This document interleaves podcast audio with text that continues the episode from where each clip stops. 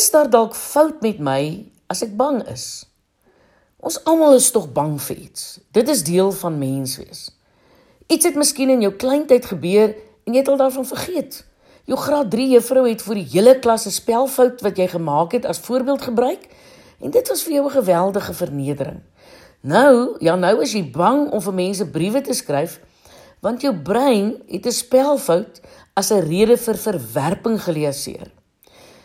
Is ook iets soos oervrese.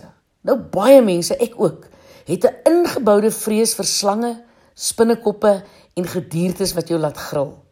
Nou baie van hierdie vrese is totaal onlogies. Soos byvoorbeeld wanneer ek 'n muis sien, spring ek sommer op die naaste tafel. Nou vreesreaksies wat van korte duur is en deur 'n natuurlike gevaar gesneller word, doen nie skade nie. Dis bloot 'n chemiese reaksie wat jou voorberei op vleg of of liewers veg of vlug. Maar wanneer vrees aanhou of kronies word, kan dit jou liggaam in groot gevaar stel. Dit kan jou hart aantas en lei tot angsaanvalle wat jou heeltemal kan lam lê en jou vreugde steel. Nou kan jy oefen om betrokke te raak by jou vrees. Jy sien om weg te beweeg van vrese verbeter nooit die manier waarop jy daaroor voel nie. Nou wanneer jy dit reg kry om jou vrees emosie 'n naam te gee, begin jy jou genesingsproses. Dis bevrydend omdat dit jou bemagtig en jou help om jou vrese te oorkom en jou emosies te beheer.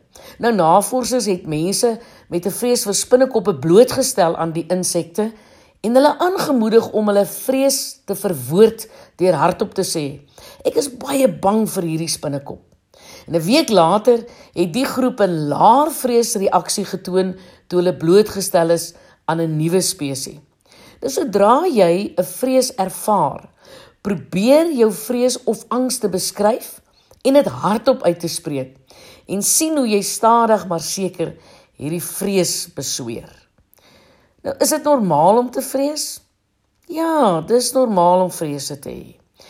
Jy kan vrees ervaar wanneer jy 'n fiets vir die eerste keer ry of wanneer jy 'n nuwe werk begin. Wanneer vrese egter begin om beheer oor jou lewe te neem of jou funksionering raak, word dit 'n probleem.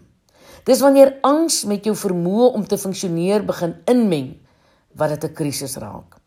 Besin oor jou vrese en vra jouself of hulle jou lewe begin affekteer.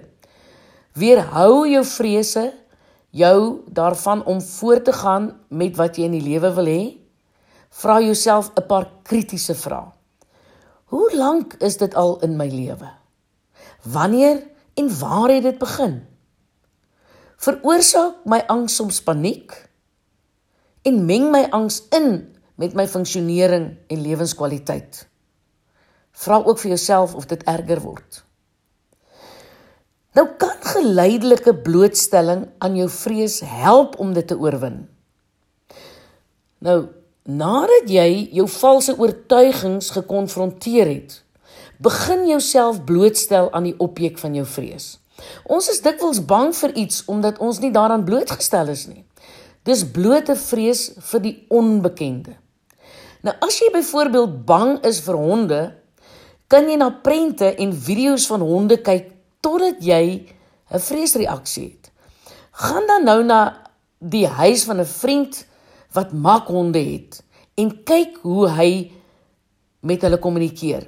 Vra jou vriend om jou te help om die hond vas te hou terwyl aan die dier geraak word totdat jy neutraal voel. Nou wanneer jy veilig voel, kan jy tyd spandeer met die hond en toelaat dat hy jou lek.